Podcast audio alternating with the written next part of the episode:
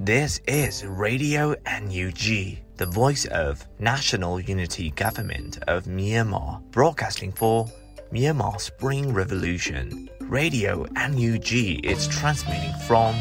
shortwave 16 meter 17.79 megahertz at 8:30 a.m. and 25 meter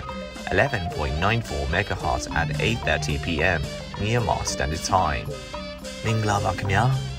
အမျိုးသားညီညွတ်ရေးအစိုးရရဲ့အတန်လွင့်ဌာန Radio NUG ကိုမနက်ပိုင်း၈နာရီခွဲမှာလိုင်းတို16မီတာစက္ကန့်တက်သမ9 MHz ညပိုင်း၈နာရီခွဲမှာလိုင်းတို25မီတာ17တက်သမ6 MHz တို့မှာဓာတ်ရိုက်ဖမ်းယူနိုင်နိုင်ပါပြီ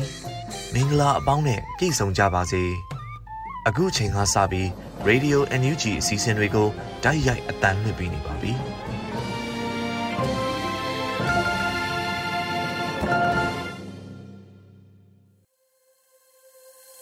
ရေဒီယိုအန်ယူဂျီသောတာရှင်များနဲ့တော်လံပြည်သူပြည်သားပေါင်းကျမ်းမာရှင်လန်းစွာနဲ့တိုင်းပြည်တာဝန်များကိုရရကန္တာကနေပြီးတော့ထမ်းရွက်နိုင်ကြပါစေခင်ဗျာအာနာသိန်း၃နှစ်မမေ့ကြနဲ့ Silent Strike သောတာရှင်များခင်ဗျာဒီကနေ့ဖေဖော်ဝါရီလ၁ရက်နေ့ရေဒီယိုအန်ယူဂျီရဲ့မနေ့ပိုင်းအတန်လွင့်စီစဉ်များကိုစတင်ပါတော့မယ်ကျွန်တော်ကလွတ်လပ်နှွေးဦးပါခင်ဗျာသောတာရှင်များဥဆုံးအနေနဲ့နားဆင်ရမယ်စီစဉ်ကတော့ရေဒီယိုအန်ယူဂျီစစ်ရေးတည်ကောက်နှုတ်ချက်ဖြစ်ပါတယ် စောတဲစ်လူနေကဖတ်ကြားတင်ပြထားပါတယ်ခင်ဗျာ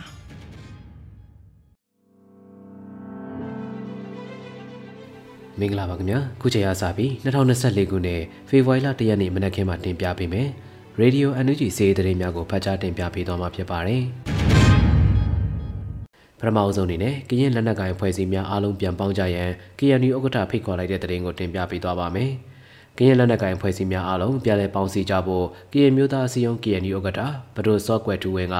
ဇန်နဝါရီလ31ရက်နေ့မှာကြာရောက်တဲ့85နှစ်မြောက်ကရင်ဒေါ်လာရေးနေ့မိန့်ခွန်းပြောကြားရာမှာတိုက်တွန်းပြောဆိုလိုက်ပါတယ်။ကရင်မျိုးသားရေးအတွက်ဆောင်ရွက်နေတယ်လို့မိမိကိုယ်ကိုသတ်မှတ်ထားတဲ့ကရင်အဖွဲ့အစည်းတိုင်းကရင်လက်နက်ကိုင်အဖွဲ့အစည်းတိုင်း1949ခုနှစ်ကလိုပဲပြည်လဲပေါင်းစည်းညီညွတ်ကြဖို့လိုအပ်ပါတယ်လို့ဘဒိုစော့ကွယ်ထူဝင်းကပြောကြားခဲ့ပါတယ်။ကရင်မျိုးသားစီယုံ KNU အနေနဲ့ လွတ်လပ်မှုဒန်းလူညီမျှမှုနဲ့ကိုပိုင်ပြဋ္ဌာန်းခွင့်အပြည့်အဝရှိတဲ့ကော်တူးလေကိုတည်ထောင်ပြီးတစ်ချိန်တည်းမှာ Federal Democracy ပြည်ထောင်စုကိုတည်ဆောက်ရန်ရည်မှန်းထားတယ်လို့ဆိုထားပါတယ်။ဒါအပြင်ကရင်ကံကြမ္မာဟာကရင်လက်ထဲမှာပဲရှိပါတယ်။ကရင်မျိုးသားတို့ရဲ့စီးလုံးညီညွတ်မှုကကရင်ကံကြမ္မာကိုအဆုံးဖြတ်ပေးမှဖြစ်ပါတယ်လို့လည်းဘဒိုဆော့ကွယ်ထူဝင်းကအသိပေးတိုက်တွန်းခဲ့ပါတယ်။ လက်ရှိမှာတော့ KNU မှခွဲထွက်ခဲ့တဲ့ဒီမိုကရေစီအကျိုးပြုကရင်တပ်မတော် DKBA DKBA မှထပ်မံခွဲထွက်ခဲ့တဲ့နေကြားဆောင်တပ် BGF တို့အပြင်ကရင်မျိုးသားလွတ်မြောက်ရေးတပ်မတော်ငြိမ်းချမ်းရေးကောင်စီ KNLA PC နဲ့နေဦးတော်လှန်ရေးကာလမှာဗိုလ်ချုပ်နေသားများတည်ထောင်ထားတဲ့ကော်တူးလေအာမီတို့ဟာလက်နက်အိုင်းဖွဲ့အစည်းများအဖြစ်တည်ရှိနေခဲ့ကြတာဖြစ်ပါတယ်။ အခုလိုကွဲပြားလျက်ရှိနေကြတဲ့ကရင်နက်နက်ကိုင်အဖွဲ့အစည်းများပြန်လည်ပေါင်းစည်းပြီးအကြမ်းဖက်စစ်တပ်ကိုပြန်တိုက်ခိုက်ရန်ကရင်လူထုကအစင်ဆက်မပြတ်တောင်းဆိုနေခဲ့တယ်လို့ကရင်လက်နက်ကိုင်အဖွဲ့အစည်းများကလည်းအချင်းချင်းတိုက်ခိုက်မှုများမဖြစ်ကြစေရန်တွိတ်ဆုံဆွေးနွေးခဲ့ကြရရှိတယ်လို့သိရှိရပါတယ်ခင်ဗျာ။ ဆက်လက်တင်ပြပေးမှာကတော့စီဆိုင်မြို့နယ်မှာလုံခြုံရေးဆိုင်ရာကိစ္စများကိုဆောင်ရွက်နေစဉ်ပအုပ်မျိုးသားလွတ်မြောက်ရေးတပ်မတော်နဲ့စစ်ကောင်စီတပ်တို့မြို့မြောက်ဘက်တနေရာမှာတိုက်ပွဲထပ်မံဖြစ်ပွားပြီးစစ်ကောင်စီအလောင်း90ခန်းနဲ့လက်နက်90ခန်းကိုသိမ်းပိုက်ရရှိခဲ့တဲ့သတင်းပဲဖြစ်ပါတယ်။အဆိုပါစီရေးသတင်းကိုဇန်နဝါရီလ31ရက်နေ့မှာ PNL ကတရားဝင်အသိပေးဆိုထားတာဖြစ်ပါတယ်။ဇန်နဝါရီလ30ရက်နေ့မှာပအုပ်မျိုးသားလွတ်မြောက်ရေးတပ်မတော်မှစီဆိုင်မြို့နယ်တွင်လုံခြုံရေးဆိုင်ရာကိစ္စများကိုဆောင်ရွက်နေစဉ်စစ်ကောင်စီတပ်နဲ့မြို့မြောက်ဘက်တနေရာမှာတိုက်ပွဲဖြစ်ပွားခဲ့တယ်လို့ဆိုထားပါတယ်။တိုက်ပွဲဖြစ်ပွားသည့်နေရာမှာနေမြေရှင်းလင်းရာစစ်ကောင်စီအလောင်း90ခန့်ကျရှိပြီးလက်နက်90ခန့်ကိုလည်းသိမ်းပိုက်ရရှိခဲ့ပါတယ်။စစ်ကောင်စီနဲ့လက်အောက်ခံပြည်သူစစ်တို့ဟာပိုးဒေတာပိုးချေရများကိုလက်နက်ကြီးများလေယာဉ်များအုံပြုပစ်ခတ်ပြီးဖျက်ဆီးလျက်ရှိပြီးယမနေ့ညမှာတိုက်ပွဲဖြစ်ပွားခြင်းမရှိဘို့မျိုးသားလွတ်မြောက်ရေးတပ်မတော် PNL လည်းမရှိဘဲစီဆိုင်မြို့နယ်လွယ်ထွဲကျေးရွာဖုံးတော်ကြီးကျောင်းကိုစစ်ကောင်စီကလေအမြင့်ပုံကျဲတိုက်ခိုက်ချကြောင်းဘို့မျိုးသားတို့ထုတ်မြတ်ထားရဖြစ်သည့်လွယ်ထွဲဖုံးတော်ကြီးကျောင်းပျက်စီးခဲ့ရတယ်လို့သိရှိရပါတယ်ခင်ဗျာ။ မကွေးတိုင်းနမောက်မြို့နယ်ကလရှင်ကြီးရွာမှာစစ်သားနဲ့ရဲအင်အား30ကျော်ရှိစစ်စီရေးဂိတ်ကိုတော်လိုင်းရဲဘော်များပစ်ခတ်တိုက်ခိုက်တဲ့တဲ့ရင်ကိုဆက်လက်တင်ပြပေးပါမယ်။ဇန်နဝါရီလ31ရက်နေ့ ညနေ6:29မိနစ်ခန့်အချိန်မှာမကွေးတိုင်းနမောင်မြို့နယ်ကလရှင်ကျေးရွာမှာစစ်သားနဲ့ရဲအင်အား30ကျော်ရှိစစ်စေးရေးဂိတ်အား OPRF PLA ပြည်내ခံပြည်သူတော်လှန်ရေးအင်အားစုမှဝင်ရောက်ပစ်ခတ်တိုက်ခိုက်ခဲ့တယ်လို့ဆိုထားပါတယ်။ OPRF PLA တပ်ဖွဲ့မှအဆိုပါစစ်စေးရေးဂိတ်အားမီတာ100ကွာမှပစ်ခတ်တိုက်ခိုက်ခဲ့ခြင်းဖြစ်ပြီးရန်သူစစ်အုပ်စုဘက်မှလည်းပြန်လည်ပစ်ခတ်ခဲ့တယ်လို့အတည်ပြုထားပါတယ်။အပြန်အလှန်ပစ်ခတ်ပြီးနောက် OPRF PLA ပြည်내ခံပြည်သူတော်လှန်ရေးအင်အားစုမှရဲဘော်များအထိကိလုံးဝမရှိပြန်လည်ဆုတ်ခွာလာနိုင်ခဲ့ပြီး ရန်သူစေအုပ်စုဘက်မှအထိကကြဆုံးအတိအကျစုံစမ်းနေကြောင်းသိရှိရပါတယ်ခင်ဗျာ ကော့ဂရိတ်မြို့နယ်ရှစ်တိုင်နှင့်ကိုးတိုင်ကြားတွင်နေမြေရှင်းလင်းရေးပြုလုပ်နေစဉ်လာရောက်စစ်ထောက်လန်းသောရဲတပ်ဖွဲ့ဝင်2ဦးနှင့်စစ်ကောင်စီစနစ်မှစစ်သား3ဦးကဖမ်းဆီးရမိခဲ့တဲ့တဲ့တင်ကိုတင်ပြပေးသွားပါမယ်။ဇန်နဝါရီလ31ရက်နေ့မှာဖြစ်စဉ်ကိုကြားပြူစစ်ကြောင်းကအသိပေးဆိုထားတာဖြစ်ပါတယ်။ဇန်နဝါရီလ29ရက်နေ့နနက်7:00နာရီခန့်အချိန်ခန့်မှာကြားပြူတပ်ခွဲ1နှင့်ပူးပေါင်းမဟာမိတ်စစ်ကြောင်းများမှချောင်းတော်မြို့မှဖျားတွင်တပ်ဆွဲထားသောအကြမ်းဖက်စစ်ကောင်စီလက်အောက်ခံတပ်များအားဝင်ရောက်ပစ်ခတ်ခဲ့တယ်လို့ဆိုထားပါတယ်။ ထပ်မံ၍ကြားပြူစစ်ကြောင်းတပ်ခွဲနှင့်တပ်ခွဲ6နှင့်နေမြေကန်ပူးပေါင်းစစ်ကြောင်းများမှကော့ဂရိတ်မြို့အလကနှင့်တောင်ပေါ်ရက်လမ်းစုံတွင်နေမြေရှင်းလင်းရေးပြုလုပ်နေရာရန်သူနှင့်ထိတွေ့မှုဖြစ်ပွားခဲ့တယ်လို့သိရှိရပါတယ်။အဆိုပါဖြစ်စဉ်မှာရန်သူဘက်မှအနည်းဆုံး10ဦးသေဆုံးပြီး9ဦးဒဏ်ရာရရှိကြောင်းသိရှိထားရပါတယ်။ ဇန်နဝါရီလ30ရက်နေ့မှာကြားပြူစစ်ကြောင်းတက်ခွဲသောဂလုံစစ်ကြောင်းနှင့်ပူးပေါင်းတပ်ဖွဲ့များမှကော့ဂရိတ်မြို့နယ်ရှစ်တိုင်နှင့်ကိုတိုင်ကြားမှာနေမြေရှင်းလင်းရေးပြုလုပ်နေစဉ်လာရောက်ထောက်လန်းသောရဲတပ်ဖွဲ့ဝင်2ဦးနှင့်စစ်ကောင်စီစနစ်မှစစ်သား3ဦးမှဖမ်းဆီးခဲ့ရာ KNDO တပ်ရင်း6သို့တုံမှန်ဥပဒေနှင့်အညီလွှဲပြောင်းပေးအပ်ခဲ့တယ်လို့သိရှိရပါတယ်ခင်ဗျာ။ ခဲဦးမြို့နယ်အတွင်းစစ်တပ်ကစစ်ကြောင်းထိုးနေသည့်အတွက်လမ်းမိုင်းတစ်ခုယာယီပိတ်ထားတဲ့တဲ့ရင်ကိုတင်ပြပေးသွားပါဦးမယ်။စကိုင်းတိုင်းခဲဦးမြို့နယ်အတွင်းစစ်တပ်ကတကြော့ပြန်စစ်ကြောင်းထိုးလာတဲ့အတွက်လမ်းမိုင်းနှစ်ခုယာယီပိတ်ထားရတယ်လို့ဒေသတွင်းပြည်သူ့ကာကွယ်ရေးအဖွဲ့တွေကအသိပေးထားပါတယ်။ဇန်နဝါရီလ31ရက်နေ့မနက်ပိုင်းကရေဦးနယ်ကြပန်းညိုကျေးရွာကတစဉ်ခေဦးနယ်ဘက်ကိုခြေလျင်စစ်ကြောင်းထိုးလာသည့်စစ်အား150ခန်းရှိစစ်ကြောင်းဟာခေဦးနယ်မြောက်ဘက်ခြမ်းကမြင်းကျကျေးရွာမှာတပ်ဆွဲနေတယ်လို့ King Special Force Organization KSO ကပြောကြားခဲ့ပါတယ်။ဒါကြောင့် မုံလမြင်းတောင်ကွန်ကရစ်လမ်းပိုင်းနဲ့ရေဦးခေဦးလမ်းပိုင်းကိုတော်လိုင်းရေးအဖွဲ့တွေကယာယီပိတ်ထားမယ်လို့အသိပေးထားပါတယ်။အဆိုပါစစ်ကြောင်းမှာရွှေဘိုလေးချင်းရေးရှစ်က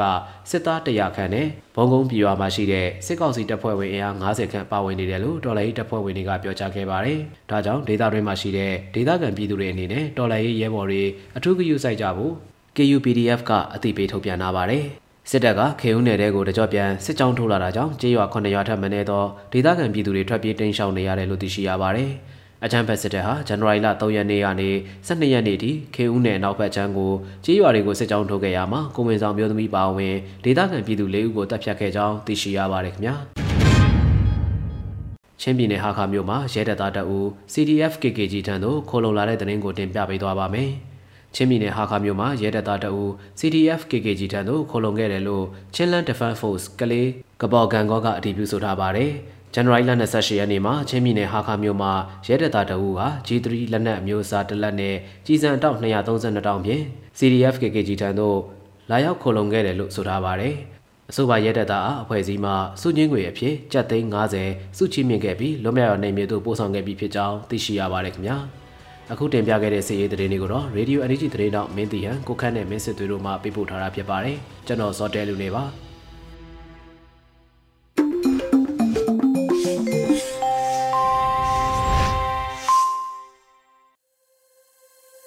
စစ်ရေးသတင်းကောက်နှုတ်ချက်တွေကိုနားဆင်ခဲ့ရတာဖြစ်ပါတယ်ဆက်လက်ပြီးပြည်တွင်းသတင်းများကိုတော့ຫນွေဦးနိုင်ကတင်ပြပါအောင်မယ်ခင်ဗျာ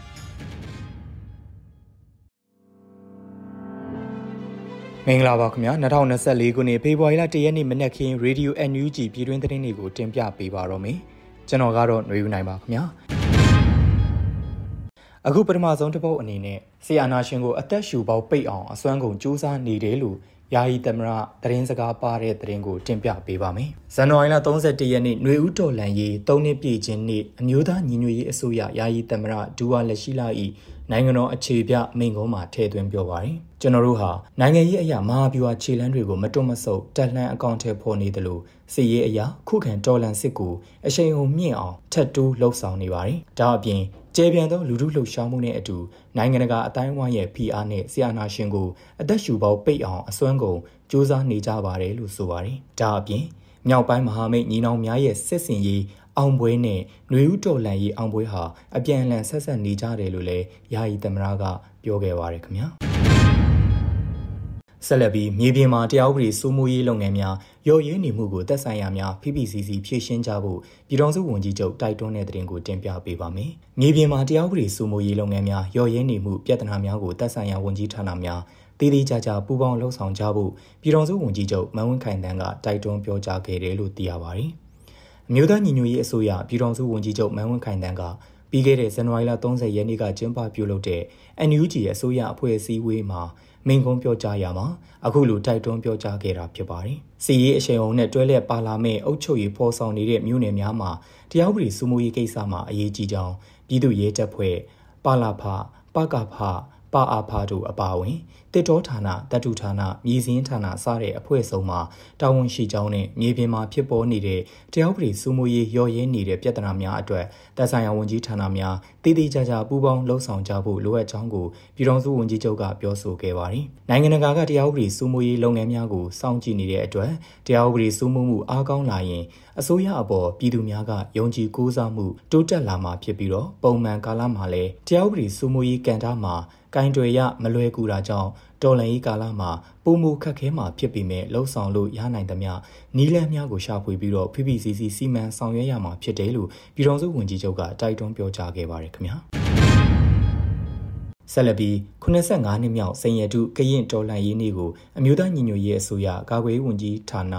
တုံးလွှာပေးပို့တဲ့တဲ့တင်ကိုတင်ပြပေးပါမယ်။ ဇန်နဝါရီလ30ရက်နေ့မှာကြာရောက်တဲ့85နှစ်မြောက်စိန်ရတုကရင်တော်လှန်ရေးနေ့သို့အမျိုးသားညီညွတ်ရေးအစိုးရကာကွယ်ရေးဝန်ကြီးဌာနမှအထူးဂုဏ်ယူဝမ်းမြောက်ကြောင်းတုံးလွှာပေးပို့ခဲ့တယ်လို့သိရပါတယ်။ကရင်တော်လှန်ရေးအတွက်ဘဝနဲ့အသက်ကိုရင်းနှီးပေးဆက်ခဲ့တဲ့ကရင်အာဇာနည်ညီအကိုမောင်နှမများကိုမှတ်တမ်းတင်အလေးပြုဥညွတ်အပ်ပါကြောင်းတုံးလွှာမှာဥစွာဖော်ပြထားပါတယ်။ဒီကနေ့မြန်မာ့ຫນွေဦးတော်လှန်ရေးမှာကရင်အမျိုးသားအစည်းအရုံး KNU ကရင်အမျိုးသားလွတ်မြောက်ရေးတပ်မတော် KNLA တို့ဟာဘဝတူတော်လှန်ရေးအဖွဲ့အစည်းများနဲ့လက်တွဲညီစွာရှေ့တန်းမှာဥဆောင်ပါဝင်နေတာကိုလည်း NUG ကာကွယ်ဝန်ကြီးဌာနမှလေးစားအသိမှတ်ပြုတယ်လို့ဆိုထားပါတယ်။ဒါအပြင်ကရင်ညီကိုမောင်နှမများနဲ့သွေးစည်းညီညွတ်စွာဖြင့်ဆီယနာရှင်စနစ်ချုပ်ငြိမ်းရေးအနာဂတ် Federal Democracy ပြည်ထောင်စုတည်ဆောက်ရေးလုပ်ငန်းများမှာလက်တွဲညီညီပူးပေါင်းလှုပ်ဆောင်သွားမယ်လို့ကာကွယ်ဝန်ကြီးဌာနမှကတိသစ္စာပြုထားပါတယ်ခင်ဗျာ။ စကိုင်းဖက်ဒရယ်ယူနစ်လွှတ်တော်နဲ့ဖက်ဒရယ်ပြည်ထောင်စုရေးရာဝန်ကြီးဌာနပြည်ထောင်စုဝန်ကြီးဒေါက်တာလင်းမုံစာခေါင်းတို့တွဲဆောင်ဆွေးနွေးတဲ့တင်ကိုတင်ပြပေးပါမယ်။ဖက်ဒရယ်ပြည်ထောင်စုရေးရာဝန်ကြီးဌာနပြည်ထောင်စုဝန်ကြီးဒေါက်တာလင်းမုံစာခေါင်းနဲ့စကိုင်းဖက်ဒရယ်ယူနစ်လွှတ်တော်တို့ဇန်နဝါရီလ31ရက်နေ့ဗီဒီယိုကွန်ဖရင့်မှာတဆင့်တွဲဆောင်ဆွေးနွေးခဲ့ပါတယ်။ တွဲဆောင်ဆွေးနွေးပွဲမှာစကိုင်းဖက်ဒရယ်ယူနစ်လွှတ်တော်ဥက္ကဋ္ဌဒုဥက္ကဋ္ဌလွှတ်တော်ရေးရာကော်မတီများမှတာဝန်ရှိသောလွှတ်တော်ကိုယ်စားလှယ်များတက်ရောက်ခဲ့ကြပြီးတော့ဝန်ကြီးဌာနဘက်ကလည်းအမြဲတမ်းအတွင်းဝန်များပါဝင်တက်ရောက်ခဲ့ကြပါတယ်။ဆွေးနွေးပွဲမှာပြည်ထောင်စုဝန်ကြီးနဲ့စကိုင်းဖက်ဒရယ်ယူနစ်လွှတ်တော်ဥက္ကဋ္ဌတို့မှနှုတ်ခွန်းဆက်စကားများပြောကြားခဲ့ကြပြီးတော့ပြည်ထောင်စုဝန်ကြီးက ဝန်ကြီးဌာနရဲ့ဆက်လက်ဆောင်ရွက်မဲ့ဖက်ဒရယ်ရေးရာကိစ္စရပ်များနဲ့ရှေ့လုပ်ငန်းစဉ်များကိုရှင်းလင်းပြောကြားခဲ့ပါတယ်။အဲဒီနောက်စကိုင်းဖက်ဒရယ်ယူနစ်လွှတ်တော်ဘက်မှလည်းဖက်ဒရယ်ယူနစ်ဆိုင်ရာကိစ္စရပ်များအပေါ်ဆောင်ရွက်ပြီးစီးမှုအခြေအနေများနဲ့ရှေ့လုပ်ငန်းစဉ်များကိုဆွေးနွေးပြောကြားခဲ့ပြီးတဲ့နောက်တက်ရောက်လာတဲ့လွှတ်တော်ကိုယ်စားလှယ်များနဲ့ဝန်ကြီးဌာနရဲ့တာဝန်ရှိသူများကအပြန်အလှန်ဆွေးနွေးညှိနှိုင်းခဲ့ကြတယ်လို့သိရပါတယ်ခင်ဗျာ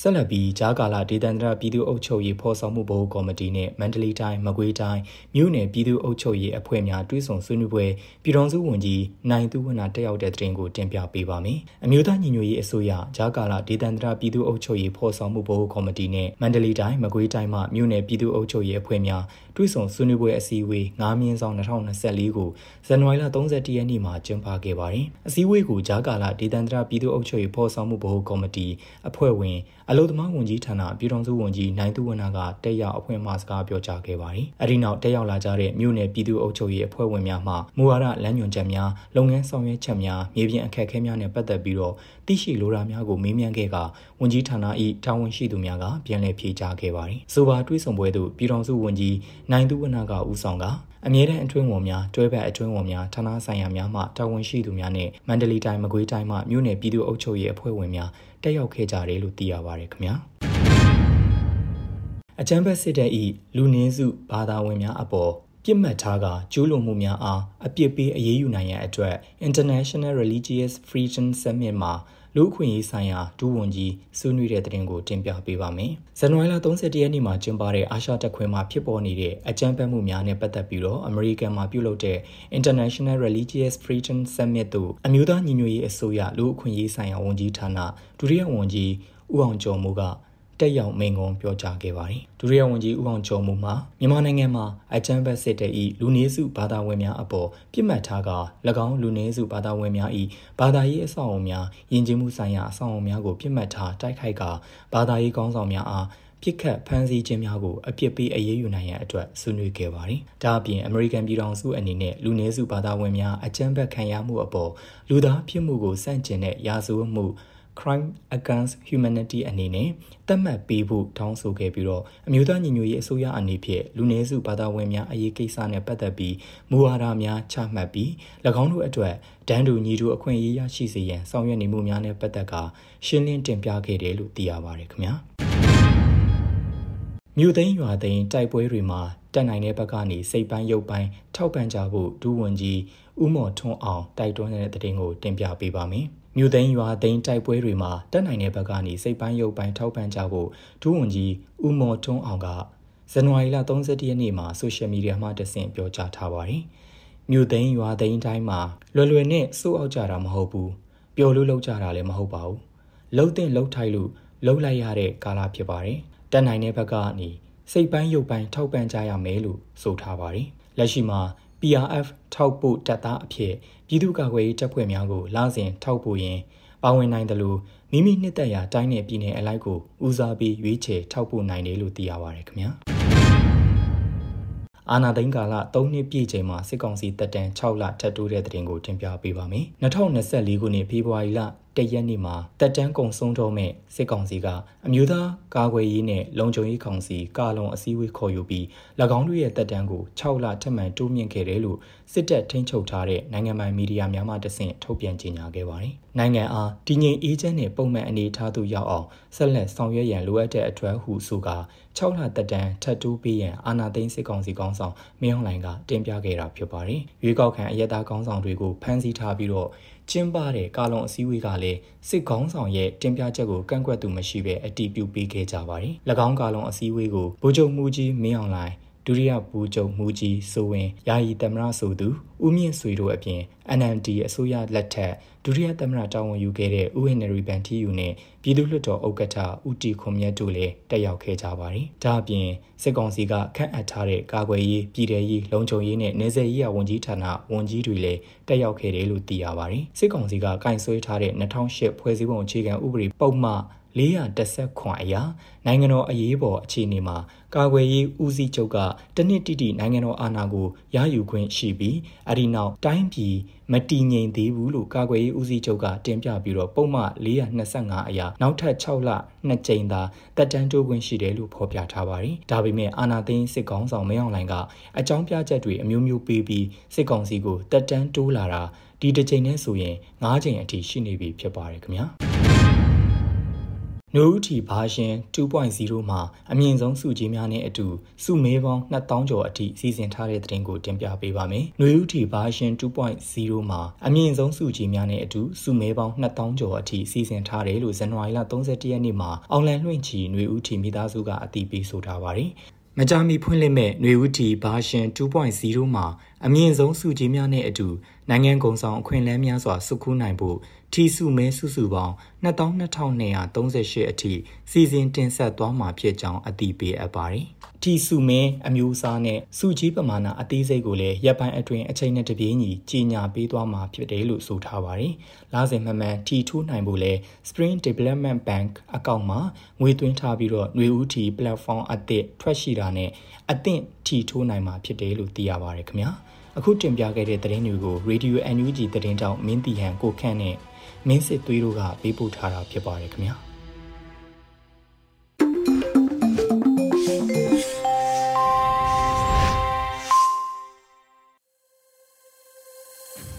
ဖေဖော်ဝါရီလ၁ရက်နေ့ရေဒီယိုအန်ယူဂျီရဲ့မနေ့ပိုင်းအတန်းလွှင့်စီစဉ်များကိုနားဆင်နေရတာဖြစ်ပါတယ်ခင်ဗျာဆက်လက်ပြီးတော်လိုင်းရေးကြပြအစီအစဉ်နေနဲ့ဆရာနေသွင်းနှန်းရေးသားပြီးຫນွေဦးမိုးခန်းစားရွတ်ဖတ်ထားတဲ့ကြပြရဲ့အမည်က အယုတ်ကျိုးပြတည်င်းရုပ်တံဖြစ်ပါတယ်ခင်ဗျာ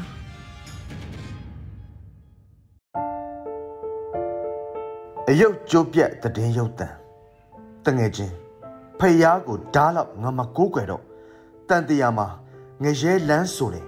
ပြစ်စုတ်ပါမှာဓားထမ်းပြီးຫນွေစကန်းစီသွားတော့မယ်တဲ့အဝတ်တထဲကိုတခုဟာတိုင်းပြည်တစ်ခုတိဆောက်တယ်လို့မိုးလင်းလို့တိုင်းပြည်တစ်ခုတိဆောက်တယ်လို့ အိယာထားလို့နောက်ကျောမှာဘယ်တော့မှလက်နက်မချတက်တူးနဲ့ယုံကြည်ချက်စာအုပ်ကိုခါမှထိုးထားတဲ့တငယ်ချင်းပြန်မလာသူရဲ့တချင်းကိုဆိုပြီးပြန်မလာသူရဲ့လက်စာကိုရှာမိမင်းအမေတော့မင်းတရင်တေတယ်လည်းမသိမင်းတရင်ရှင်တယ်လည်းမကြားမင်းအမေအိမ်ရှိကချက်တကားမင်းပြန်လာမလားလို့တော့ပေါက်တန်လန်ချိတ်ထားတယ်ငါကတော့ အဲ့ဒီနေ့ကငါအခန်းထဲကရုပ်တံကိုထုချေဖောက်ခွဲပစ်လိုက်တယ်ကြပြဆရာနေတွင်နိုင်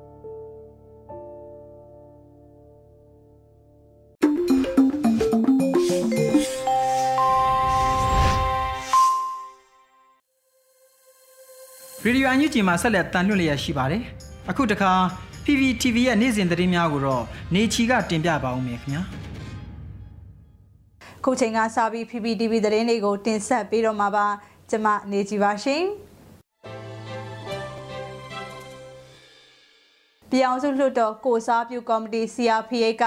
ဒီကနေ့ကြာရောက်တဲ့85နှစ်မြောက်ကရင်မျိုးသားတော်လှန်ရေးနေ့ကိုတဝင်လွှာပေးပို့လိုက်ပါတယ်။ တဝင်လွှာထဲမှာပြည်ထောင်စုလွှတ်တော်ကိုစားပြုကော်မတီအနေနဲ့နှွေဦးတော်လှန်ရေးအမြန်ဆုံးအောင်မြင်ရေးအတွက်ကရင်တော်လှန်ရေးအဖွဲ့အစည်းများနဲ့အခြားသောတော်လှန်ရေးအဖွဲ့အစည်းများအားလုံးနဲ့အတူတော်လှန်ရေးအရှိန်ဟုန်ကိုမြင့်တင်ဆောင်ရွက်သွားနိုင်ရေးတို့အတွက်ကြိုးပမ်းဆောင်ရွက်သွားမှာဖြစ်တယ်လို့ဖော်ပြထားပါတယ်။ ဒါအပြင်နိုင်ငံမှာဆရာနာရှိစနစ်ဆိုးရဲ့အကျိုးဆက်ကြောင့်တောက်လောင်ခဲ့ရတဲ့ပြည်တွင်းစစ်အားမကြမီအချိန်အတွင်းအမြန်ဆုံးနှိမ့်သက်နိုင်ရေးနဲ့တိုင်းရင်းသားပြည်သူများအားလုံးမျှော်လင့်တောင်းတနေကြတဲ့နိုင်ငံတော်ဝန်ဆရာနာရှိစနစ်ပပျောက်ပြီး Federal Democracy နိုင်ငံအသည့်တည်ဆောက်ရေးဆက်လက်လက်တွဲဆောင်ရွက်ကြစေလိုတဲ့ဆိုပြီးတော့လဲတဝင်လာထဲမှာထည့်သွင်းဖော်ပြထားပါတယ်။နေဦးတော်လန်ရေးအမြန်ဆုံးအောင်မြင်ရေးအတွက်ဗတ်ပေါင်းစုံထောက်ပေါင်းစုံမှာ စီးလုံးညီညွတ်မှုဇွဲလုံလာအပြန်လဲနားလေယုံကြည်မှုတဲ့အတူရှေ့ဆက်ချီတက်ကြစေလိုတဲ့ဆိုပြီးတော့လဲတိုက်တွန်းထားပါတယ်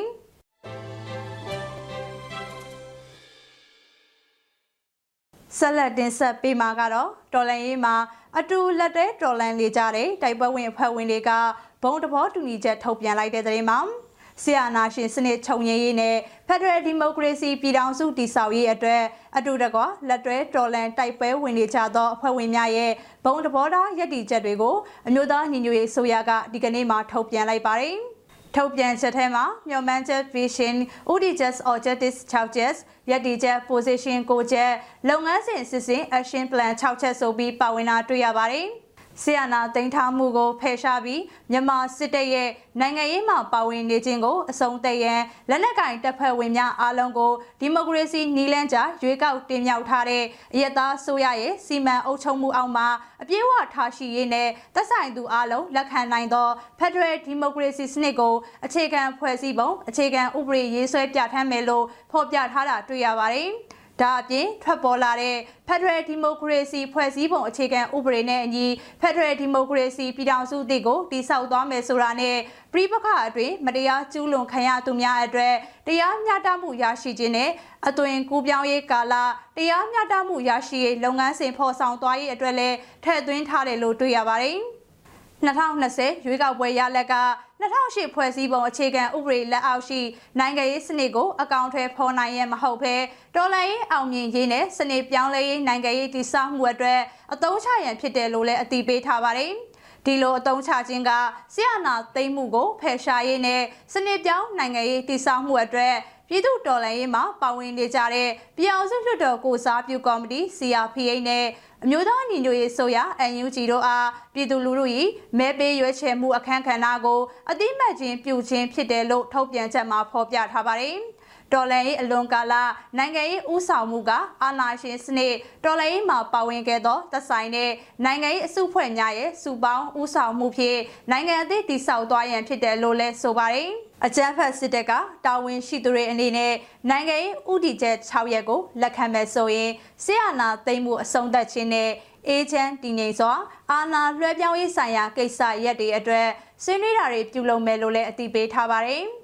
ဆီယနာသိမ်းမှုကိုအပိသက်ဖယ်ရှားပြီးတဲ့အခါမှာဖက်ဒရယ်စစ်ရတဲ့အသွင်ကူးပြောင်းရေးကာလအမျိုးသားညီညွတ်ရေးဆိုရဒီ NUG နဲ့အသွင်ကူးပြောင်းရေးကာလပြည်내ဖက်ဒရယ်ယူနစ်အစိုးရများဖွဲ့စည်းပြီးနိုင်ငံတည်ငြိမ်အေးချမ်းရေးအတွက်ပြန်လည်တည်ဆောက်မှာဖြစ်ပါတယ် အသွင်ကူးပြောင်းရေးကာလအမျိုးသားညီညွတ်ရေးဆိုရဒီ NUG ကိုဖွဲ့စည်းရမှာလဲတော်လိုင်းအင်အားစုတွေတဲကပါဝင်တင်သူတွေရဲ့စုပေါင်းခေါင်းဆောင်မှုအသွင်ကူးပြောင်းရေးကာလဖက်ဒရယ်ဒီမိုကရေစီဖွဲ့စည်းပုံအခြေခံဥပဒေနဲ့အညီပြုလုပ်သွားမှာဖြစ်ပါတယ်။ထုတ်ပြန်ချက်ထဲမှာဖော်ပြထားတဲ့အချက်တွေကိုလက်တွေ့အကောင့်ထဲဖော်နိုင်ရေးအတွက်လည်းမဟာဗျူဟာအရအရေးကြီးတဲ့ကဏ္ဍဆုံးမှာ ပူပေါင်းညီနိုင်ရေးရနေရတွေဖွဲ့စည်းဆောင်ရွက်သွားမှာဖြစ်တဲ့အပြင်သက်ဆိုင်တဲ့တော်လှန်ရေးမဟာမိတ်အင်အားစုတွေနဲ့လည်းဆက်လက်ပူပေါင်းညီနိုင်ပြီးအစမ်းကုန်ဆောင်ရွက်သွားမှာဖြစ်တယ်လို့လည်းအတိပေးဖော်ပြထားပါတယ်။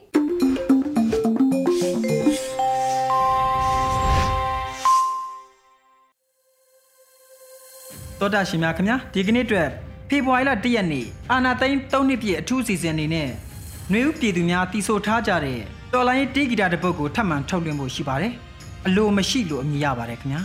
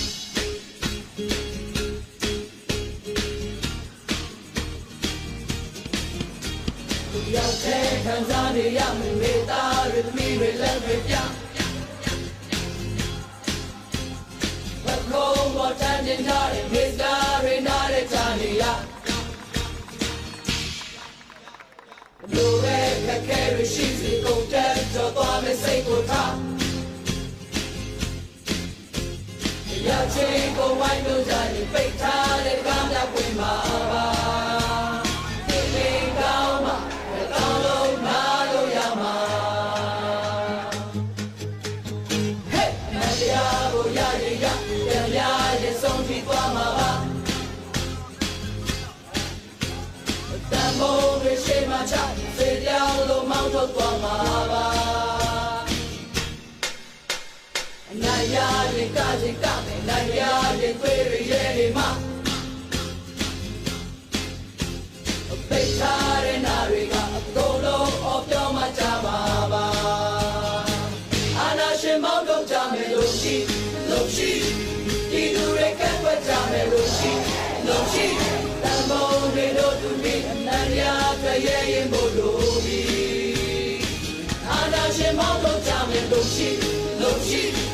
ဒီလူတွေကကွက်ကြမယ်လို့ရှိလို့ရှိတန်ဖိုးတွေတို့သူမိအနန္တရာပြရဲ့ရင်ဖို့လို့ပြီဆန္ဒပေါ်တော့ကြမယ်အနန္တရာဘက်မှာငါတို့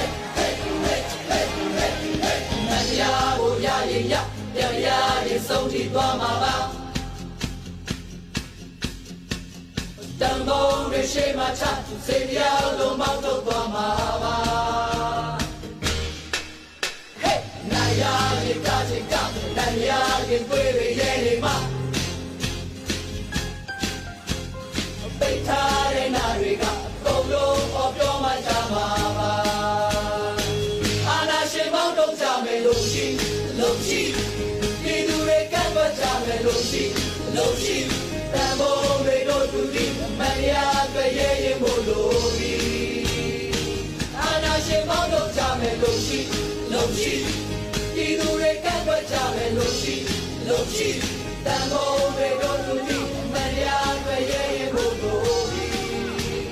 ဆန္ဒပေါ်တော့ကြမယ်မရဘက်မှာငါတို့ရဲ့ဒီဆန္ဒပေါ်တော့ကြမယ်။နိုင်ရဘက်မှာငါတို့ရဲ့တည်ပြီး